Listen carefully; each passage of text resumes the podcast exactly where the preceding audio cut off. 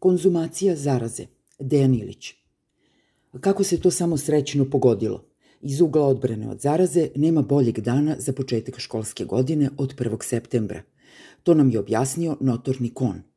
Ovaj naš proverbijalni stručnjak pre par dana je rekao Epidemiološka situacija će biti još bolja nego što je danas, pa će stoga rizik zbog otvaranja škola biti najmanji početkom septembra. Epidemiološka situacija će se smirivati još više, obećava Kon.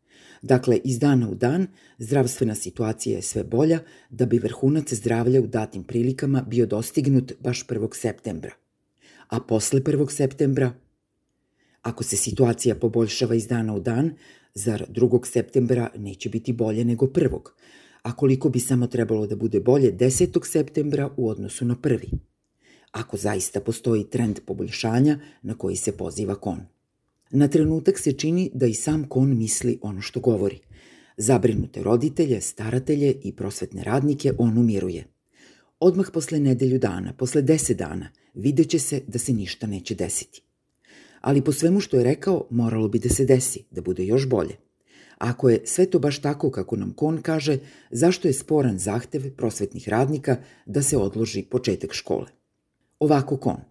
Svako odlaganje onemogućuje da u najboljem trenutku počne škola. Kada se uzme sve zajedno, to glasi epidemiološka situacija će se smirivati još više, ali svako odlaganje onemogućuje da u najboljem trenutku počne škola. Molim čitaoca da ovde zastane i ponovo pročita prethodne tvrdnje. Tvrdnja 1. Epidemiološka situacija će se smirivati još više. Tvrdnja 2. Svako odlaganje onemogućuje da u najboljem trenutku počne škola. Tako je, ako iz dana u dan sve bolje, kako odlaganje može da spreči da škola počne u najboljem trenutku.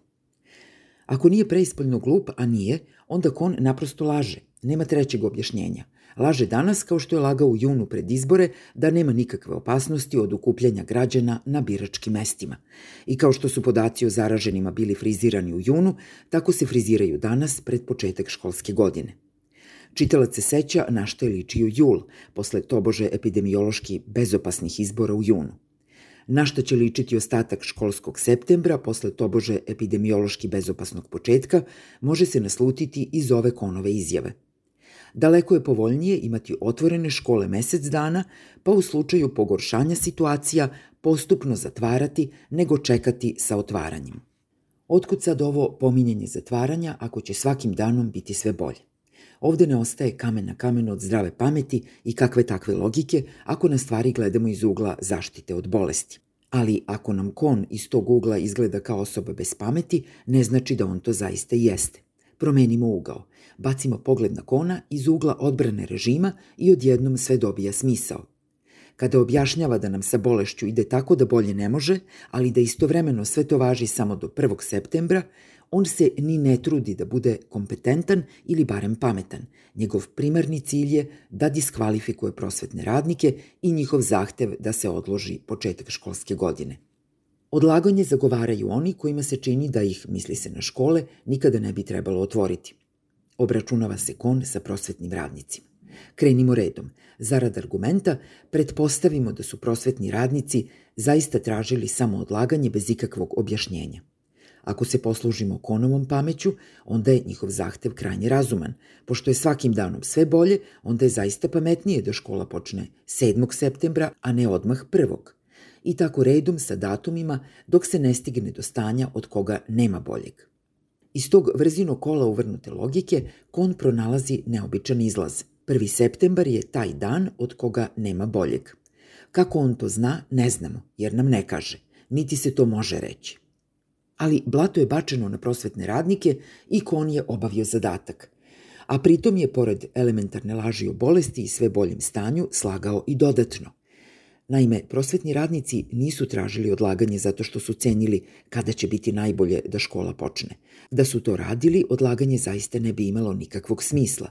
Svaki proizvoljno izabrani datum podjednako je loš za početak školske godine, pa to onda sasvim opravdano može biti i 1. septembar, ako ni zbog čega drugog, a onda zbog školske inercije. Stvar je međutim u tome što prosvetni radnici nisu tražili to. Naprotiv, oni su dobili rešenje iz ministarstva o tome kako treba da izgleda nastava od 1. septembra i zaključili da to ne može da se sprovede. Odlaganje su zatražili da bi imali vremena da naprave rasporede časova i da bi dobili dodatna objašnjenja za situacije u kojima rešenje ništa ne kaže, iako je usitna crevca. A jasno je da će se dogoditi. Naime, nigde se ne utvrđuju postupci u slučajevima da se posumnja da su prosvetni radnici zaraženi. Kao što se ne kaže ni kako se postupa sa zaraženom decom. Što se rasporeda časova tiče, to se ne može napraviti, a da odgovara ministarskom rešenju, pa je potrebno dodatno vreme da to shvate ministar i njegovi saradnici. Što se tiče procedura u slučaju zaraze u školi, to bi već bilo u nadležnosti kona, ali on je tu svoju obavezu hitro izbegao diskvalifikacijom na lažima postignutoj prosvetnih radnika. Ako se prosvetnim radnicima i nije izašlo u susret, uprkos njihovim krajnje razumnim zahtevima, početak škole će možda biti odložen, barem za neke đake, za one koji su se vratili iz inostranstva pred početak školske godine. O toj odluci se još razmišlja, ali se iz tih razmišljanja daju već sada naslutiti obrisi opravdanja za izbijanje zaraze u školama. Prosvetne vlasti i takozvani krizni štab neće biti ni za šta krivi, sve je to stiglo s polja i sad šta da radimo nego da zatvorimo škole. A da će zaraze u školama biti, u to ne treba sumnjati. To je iskustvo iz svih zemalja u kojima su škole već otvorene. Ni ministarstvo, ni stručnjaci za takvu situaciju pak ne brinu, jer su, kada do toga dođe, već spremili katance. A pre katanaca, evo kako izgleda uputstvo za đake koje je ovih dana poslato roditeljima – Obaveštenje za učenike. Potrebno je da pre dolaska u školu izmerite telesnu temperaturu. Obavezno je nošenje zaštitne maske u školskom prostoru, u toaletu, hodnicima, učionicama, školskom dvorištu. Potrebno je da učenici drže fizičku distancu. Potrebno je da učenici redovno peru i dezinfikuju ruke. Učenici užinu i flašice sa vodom nose od kuće i užinaju u učionicama. Zabranjeno je da učenici između sebe dele hranu i konzumiraju vodu iz istih flašica. Telefoni se ne smeju koristiti tokom boravka u školi. Učenici istog odelenja će boraviti u istoj učionici. Zabranjeno je udaljavanje učenika sa svog mesta bez odobrenja učitelja, odnosno nastavnika. Učenici u toaleta odlaze po posebnom uputstvu i uz odobrenje učitelja nastavnika. Pri dolasku u školu, učenici borave u dvorištu na mestu koje je predviđeno za njihovo odelenje. Čitalac sada može i sam da zaključi koliko su ovakva uputstva korisna i sprovodiva – Ako bi se ona dosledno primenjila, možda bi zaista bilo bolje da se takva škola odloži u nedogled. Ja ću za kraj izdvojiti tek jedan nebitan pedagoški detalj iz ovog obaveštenja učenicima. Voda se iz flašice ne pije, nego se na poslovičnoj ćirilici konzumira. Nazdravlje nam škola.